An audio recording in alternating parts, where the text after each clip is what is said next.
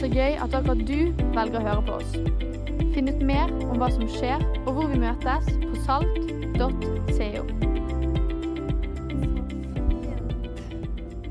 Du, vi tror på det. At der to eller tre er samla, der er han midt iblant. Det står det. Stender det i boka. At da er Jesus til stede. Og det tror vi på, og det er fantastisk. Og derfor syns jeg det er sånne øyeblikk òg som vi nettopp hadde. Det at vi samles rundt det og enes rundt det, så er vi med på en hellig handling. Det er stort å få lov å være med på. Så fint å se deg. Jeg må se rundt. Og god sommer til alle sammen. Noen har sikkert ferie, noen er ferdig med ferien. Det trenger ikke å snakke så masse om. Noen skal snart begynne ferien, og de er veldig forventningsfulle til det. Eh, der kommer det ting inn. Det skal vi se på snart. Men, eh, men jeg har lyst til å si gratulerer med et godt valg med å komme til gudstjeneste. Det tror jeg er en bra ting. Det å møtes, det å komme sammen. Da tror vi at han òg er til stede. Det sies om eh, Bergen at det er den byen med det beste kirkeværet. Eh, og så tenker jeg det er aldri så galt at det ikke er godt for noe. som vi sier. Det er jo fint at vi får litt hjelp derifra. jeg vet ikke. Kanskje fikk du et solglimt på vei til, til gudstjenesten i dag. Jeg fikk regn, men det er greit. Det regner på Voss òg. Vanligvis bruker jeg å si at det der er fint vær, men i dag så regner det der òg. Så da er det greit. Men fint å se dere. Og som eh, Espen sa, så bor jeg på Voss. Har vært der. Nå er det åtte år siden jeg og mannen min Vegard flytta til Voss for å restarte en eldre pinsemenighet der. For, og Det har vært en fantastisk reise. Og Hvis du sitter her og lurer på hva du skal jobbe med, eller hva du skal bli, så bare anbefaler jeg pastoryrket. Altså, det er verdens beste yrke. Så det var dagens eh, anbefaling på det. Men i, i år så fikk vi lov til å være med og feire 100-årsjubileum for den kirka som vi restarta i 2016. Sion Voss starta i 1923. Og så restarta vi den til Saltvoss i 2016. Så vi fikk lov, altså Det er jo stort å være på en måte sju år gamle og få lov å feire 100 år. Snakk om store sko å tre inn i. Men det feirer vi med å eh, ikke klippe sløyfe eller klippe ei snor, men med å knytte sammen. 93 år med Sion Voss og 7 år med Salt Voss. Og det er en 100 år fortelling om Guds trufasthet. Og det var stort å få lov å være med på Å feire at det har vart i 100 år, og at Gud har vært trufast i det. Og vi feirer med konfetti og med, med stor marsipankake og med fullt hus og stormende jubel, og det var kjempegøy. Men når vi var ferdig med den helga, og jeg snakket med de som er i lederteamet vårt, så var det likevel en annen ting som satt, sto igjen som det kanskje mest eh, meningsfulle den helga vi hadde hatt. Og det var det som skjedde i det rommet her. Jeg har tatt med et bilde. Jeg har lyst til å ta det med inn i det rommet. Det var stort og fint, alt som, som, skjedde, og det var kjekt med fest og feiring. Men her sitter vi sammen med her ser du lederteamet for Salt Voss sammen med Roald Sætrang. Og det er han som, han som er 83 år. Jeg håper du ser hvem som er 83 år gammel er. Det er altså Roald Sætrang. Resten er lederteamet på Voss. Men vi hadde invitert han til 100-årsfeiringa. For han var, han var, pastor i Sion Voss på 70-80-tallet. og Han, den, han leda den menigheten da fra en krisetid og til å fylle huset. Og til å være en levende og livskraftig menighet igjen i den bygda. 83 år gammel, nylig enkemann, men full av tru. Full av engasjement for den lokale kirka. Og et enormt engasjement for det å stå i tjeneste. Og vi spurte han, når du først er her, kan vi få en samtale med deg. Kan vi bare få lov å sitte ned sammen med deg? Og Så møttes vi i den utestova her en helt vanlig lørdag, og vi fikk en time sammen med han. Og Roald Sætrang han er den typen som snakker veldig seint. Men allikevel så var det jo som om vi satt jo helt på stilk der. For det er som om hvert ord bare veger litt ekstra masse. Fordi du vet at bak alt det han sier, så ligger det 83 år med livserfaring og gudsopplevelser. Og det var en spesiell opplevelse å få lov å sitte der. Det var ingenting spesielt som skjedde, men allikevel så opplevdes det så spesielt. Det var som om Gud i den enkle samtalen vi hadde den lørdagen, på en eller annen måte bare fulgte oss med tru for de neste 100 åra. Jeg tenkte jeg skal være med på de neste 100 åra som ligger foran. Men jeg har lyst til å snakke om det i dag. disse samtalene som vi har, som virker så hverdagslige, lite åndelige og sånn lite spesielle. Men jeg har lyst til å snakke om hvor viktige de egentlig er. Og jeg satte overskriften 'Livsviktige samtaler'.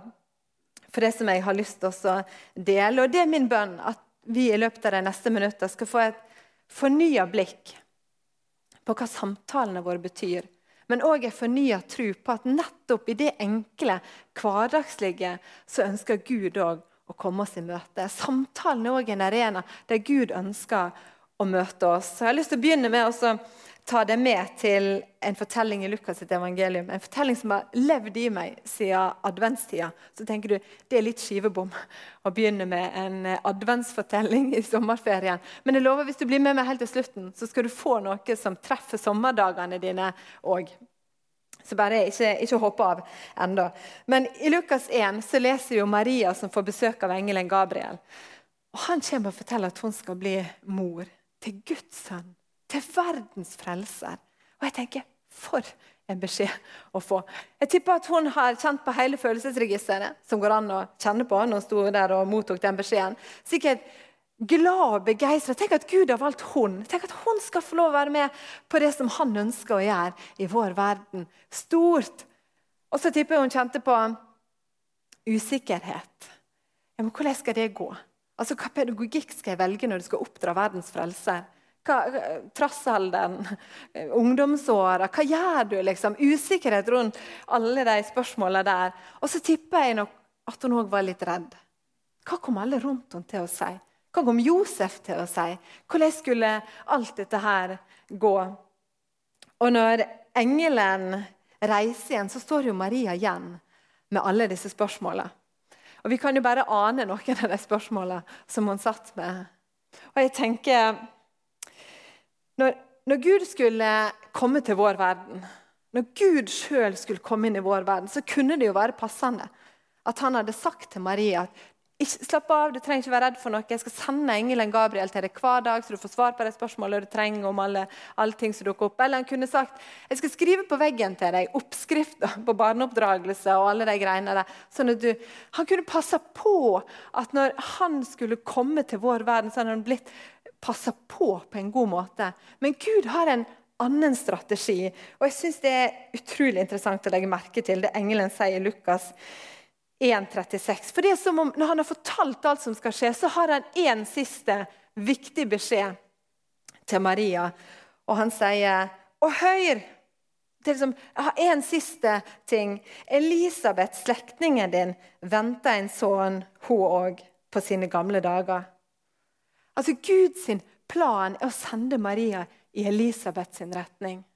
Ja, men Husk nå på, Maria. Elisabeth òg skal ha en sønn. Og Maria skjønner umiddelbart at nå er det viktig for henne. Nå må hun treffe Elisabeth, så hun pakker sakene sine, springer av gårde for å rekke toget. Sikkert buss for tog på den tida òg, men hun pakker iallfall sammen og kommer seg av gårde og skjønner at dette er viktig. Og sånn vi tenker jo at det kanskje virker litt puslete når Guds sønn skulle komme. Hvorfor sendte du bare til Elisabeth? Men Gud vet jo hvor viktig det er å få noen som kan følge et stykke på veien. Og jeg tenker ofte at Det er med samtalen som det er med elektrisitet, for å bruke et litt hverdagslig eksempel. Jeg satt en kveld eh, hjemme, og så gikk strømmen. Og så satt og så på nyhetene, så tenkte jeg ok, da kan jeg ikke se på nyhetene lenger. Da får jeg heller rydde og vaske litt. Så gikk jeg ned, tenkte jeg får sette på en klevask. Nei, det kan jeg jo ikke. Sto foran maskina der, det går ikke. Så sprang jeg opp igjen. Jeg tenkte å, jeg har en del ting. Jeg kunne jo bare jobb, gjort ferdig noen jobbgreier. Tar opp Mac-en, og så er den tom for strøm. Og så blir det sånn Jeg kan ikke koke kaffe engang. Og så tenker jeg kanskje jeg kan sette meg og lese, men du kan ikke skru på lyset engang. Og så skjønner du. Og så har vi elbil. Jeg kan ikke kjøre med en tur. Jeg kan sykle en tur. Det kunne jeg gjort. Men det er jo ikke før elektrisiteten er vekk at du skjønner hvor viktig den er og hvor stor del av hverdagen den er. Og Sånn er det litt med samtalen. Vi tenker at den er så vanlig og ikke så viktig. Men hvis den forsvinner, så er det kanskje da vi skjønner hvor viktig den egentlig er. Lenge før et barn lærer seg å kommunisere med språk, eh, så kommuniserer det med mennesker rundt seg gjennom blikk, gjennom eh, stemme eller lyder og berøring. Og Den tidlige kommunikasjonen er livsviktig for et barn. Og I Dagbladet 5.12.2005 så kunne vi lese om et barn som var neglisjert av sine foreldre. Som ikke hadde fått tatt del i kommunikasjon og dialog med andre voksne. Og Det barnet havna på sykehus, og når det var der, så hadde det havna i en eller annen merkelig døs. Det viser ingen interesse av å være hverken våken eller ha kontakt med andre mennesker. Men det barnet trengte jo ikke medisin eller sprøyte eller tabletter. Det barnet trengte, var oppmerksomhet fra andre mennesker.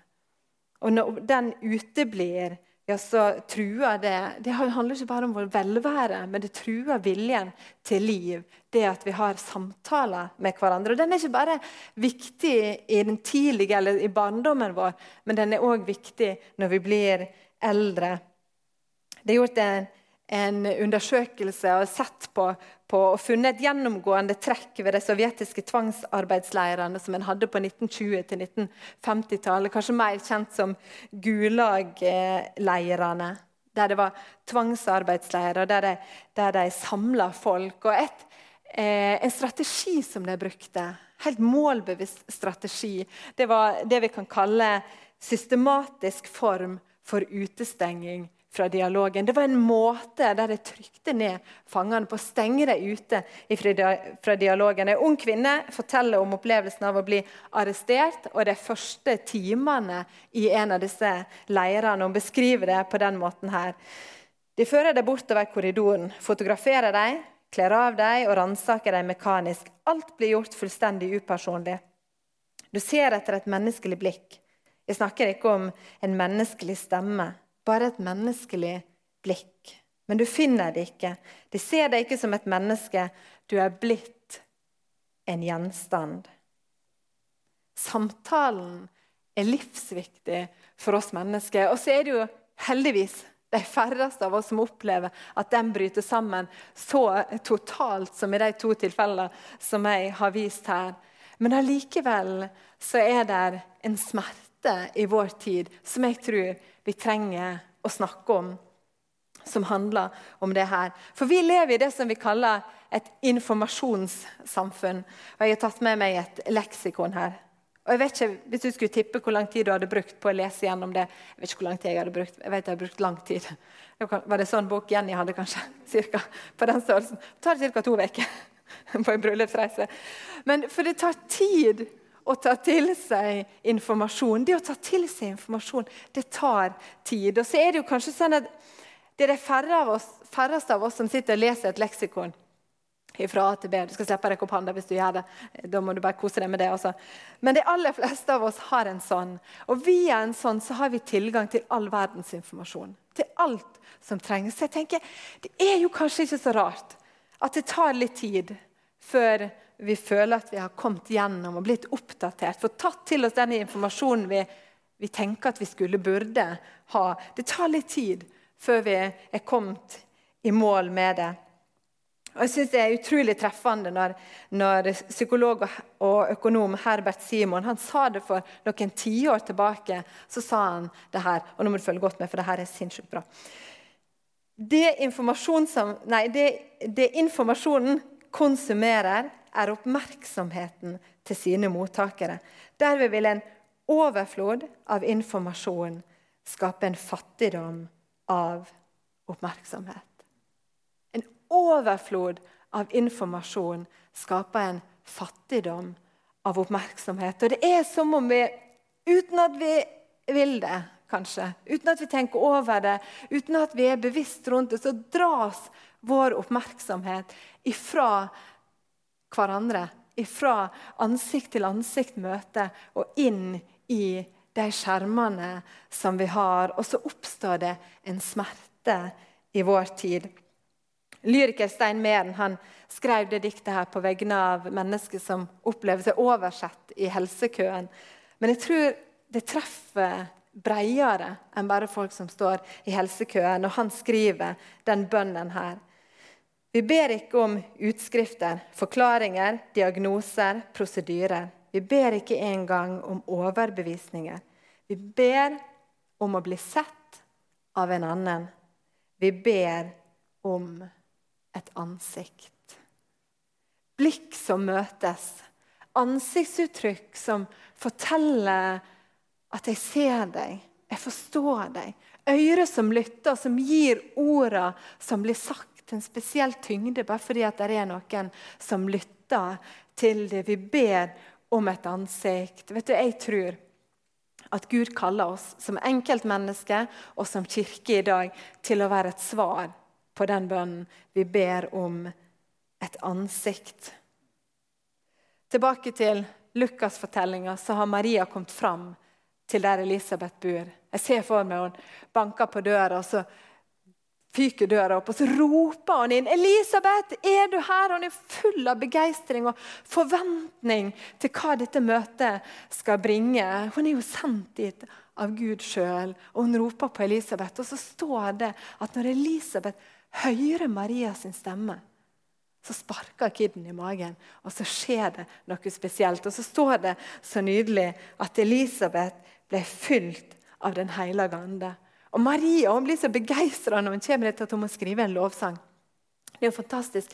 Men det skjer noe når disse to gravide kvinnene møter hverandre. Så tenker du, skjer ikke det alltid noe spesielt når to gravide kvinnfolk møtes?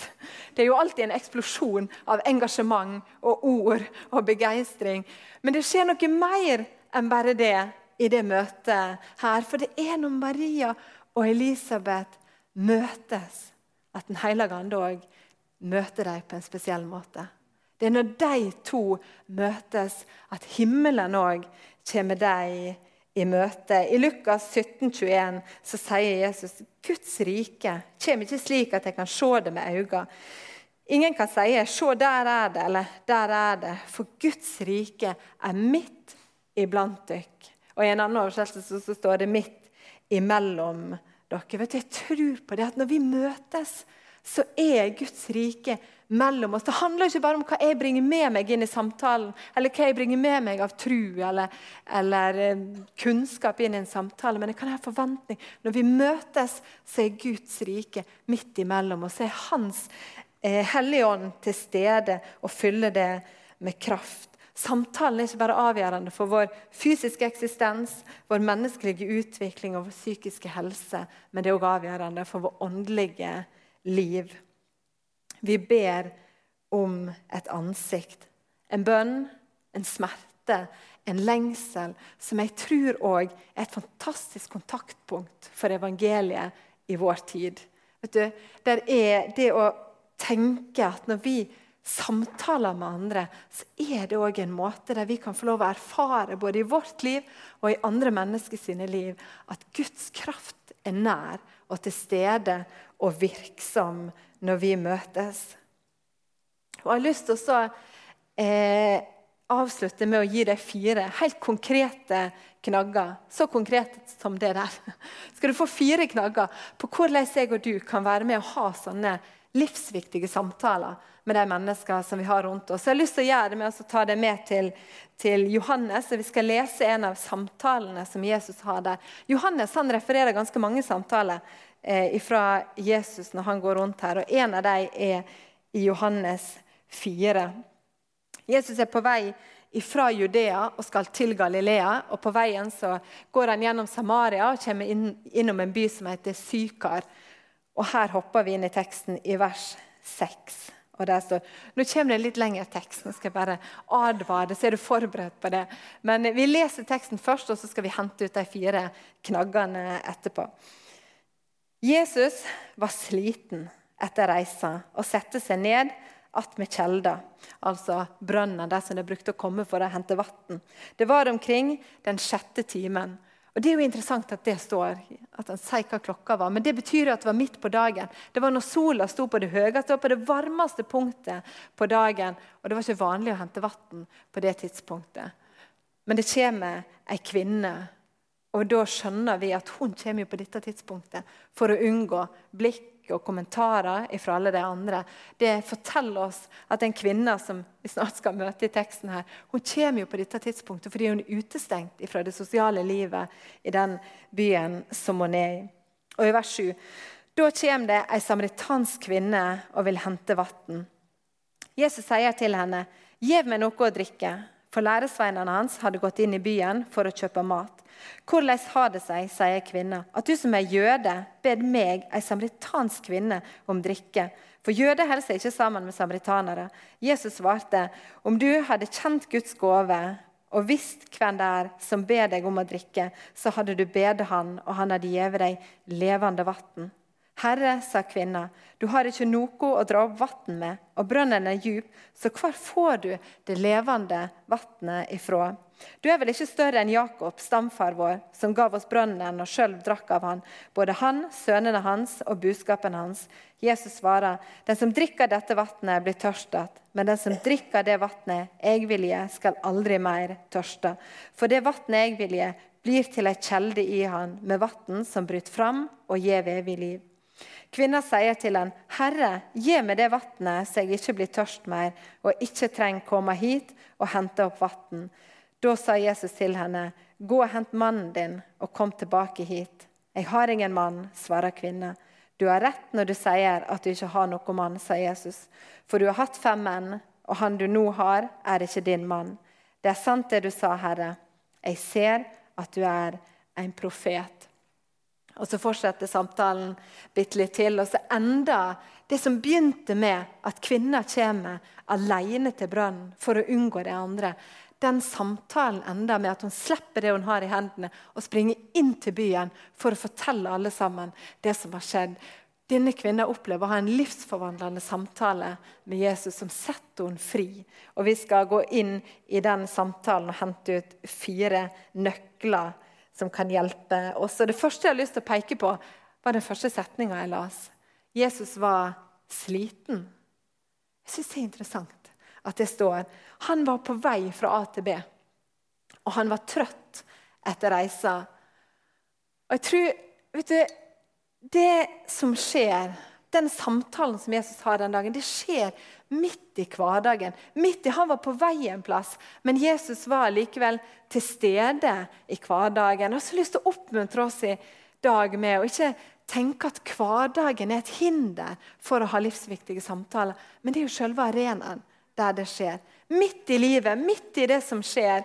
Enten en opplever at det, noen syns det er for masse som skjer i livet, noen syns det er for lite. Men jeg har så lyst til å oppmuntre oss med vet du, Jesus var til stede i hverdagen midt i det som skjedde, og skal henge på en sånn her. En almanakk. En kalender.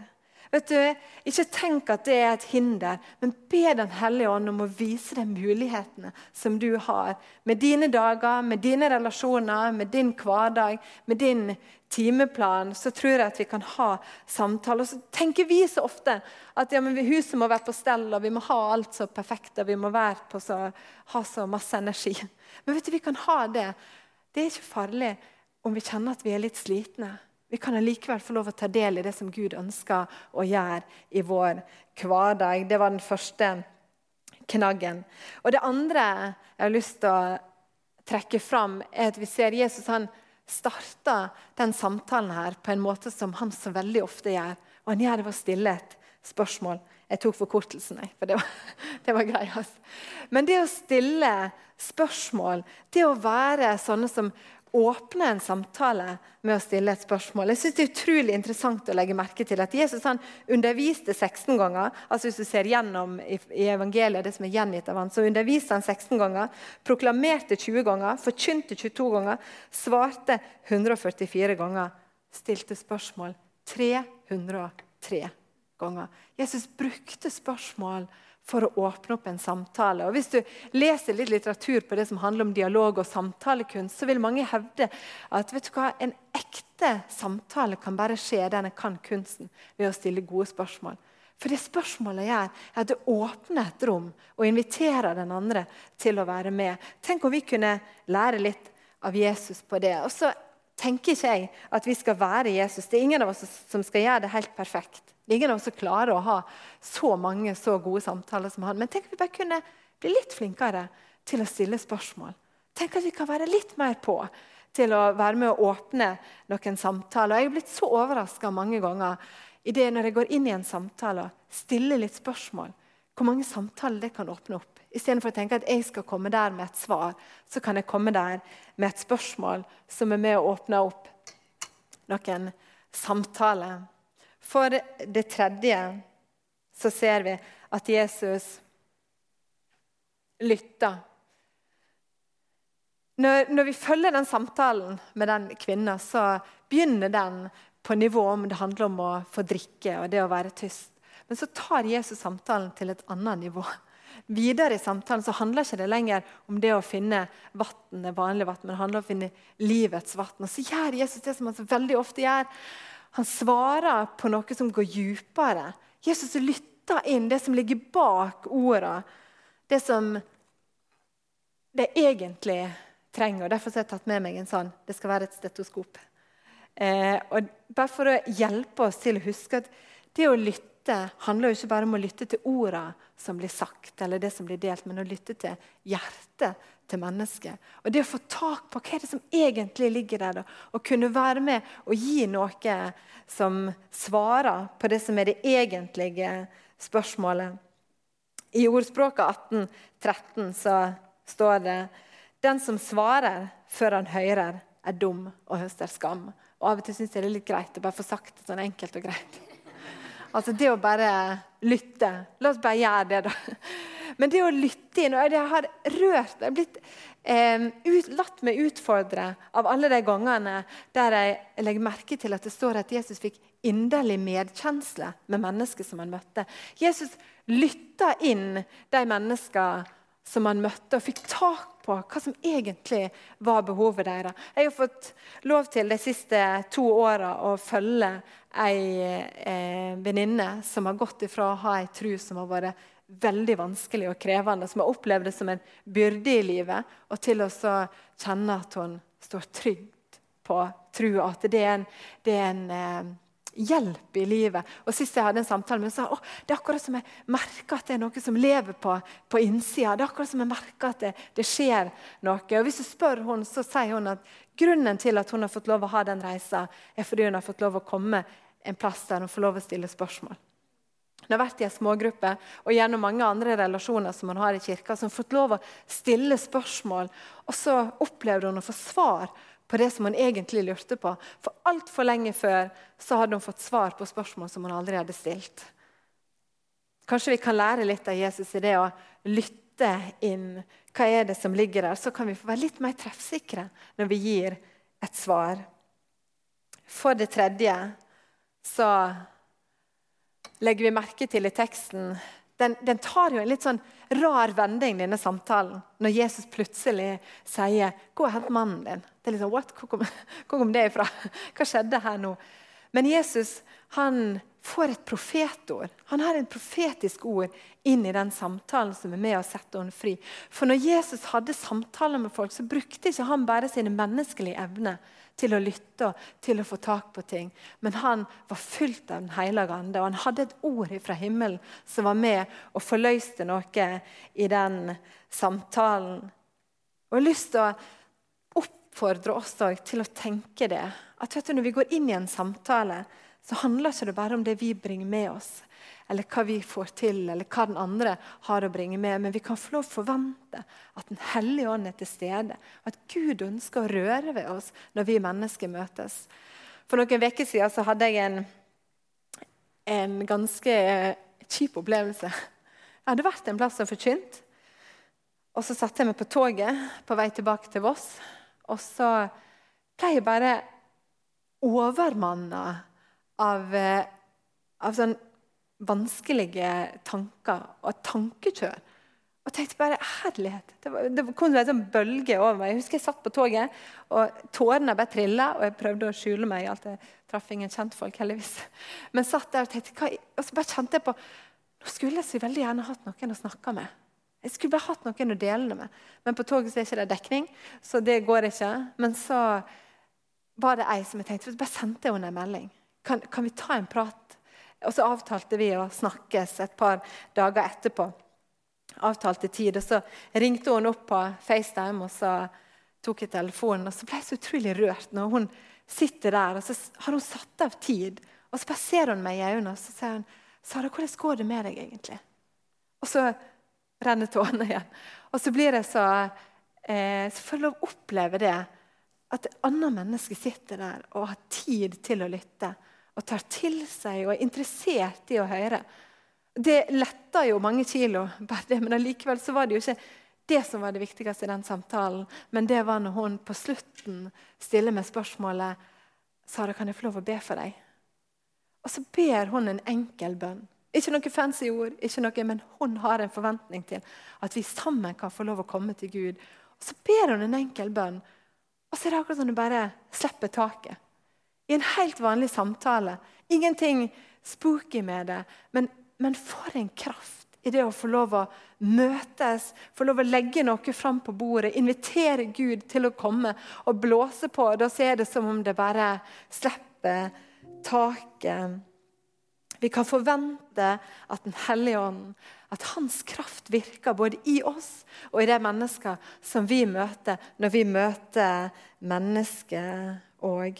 Jeg har lyst til å oppmuntre oss med det. Tenk om vi kan være et svar på det vi ber om et ansikt for vår egen del og for de mennesker som vi har rundt oss. Jeg har lyst til å be en bønn for oss alle sammen. Kan ikke vi reise oss opp?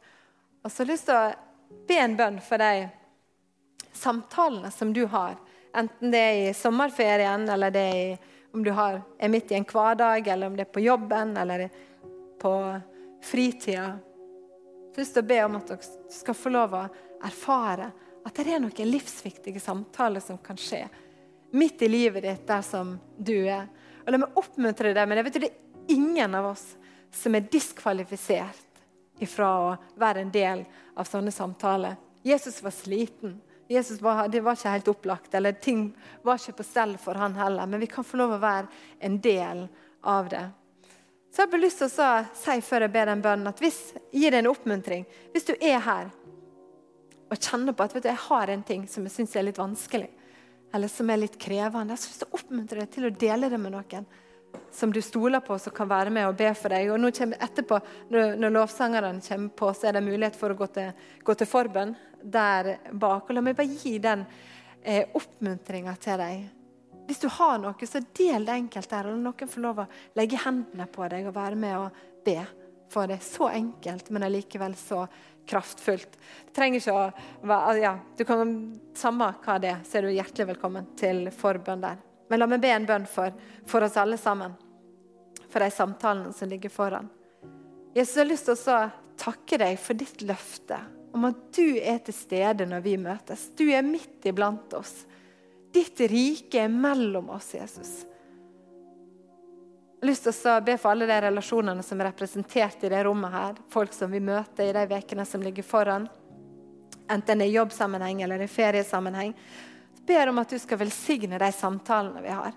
Vekk i oss den forventninga til at du ønsker å virke. Til at din kraft ønsker å møte mennesker, både oss og de mennesker som vi møter. Ber om at de samtalene vi har, skal få lov å være en arena der evangeliet får lov å komme nær til mennesket.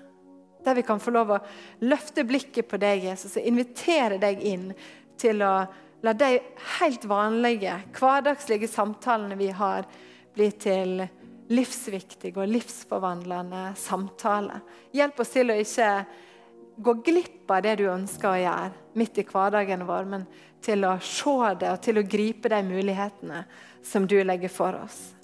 Ber om din velsignelse over hver enkelt av oss som er her. Og de samtalene og de møtene som vi har med mennesker i de ukene som ligger foran. I ditt navn, Jesus. Amen. Takk for at du hørte på. Håper vi snakkes enten her eller i kirken neste søndag. Ha en nydelig uke.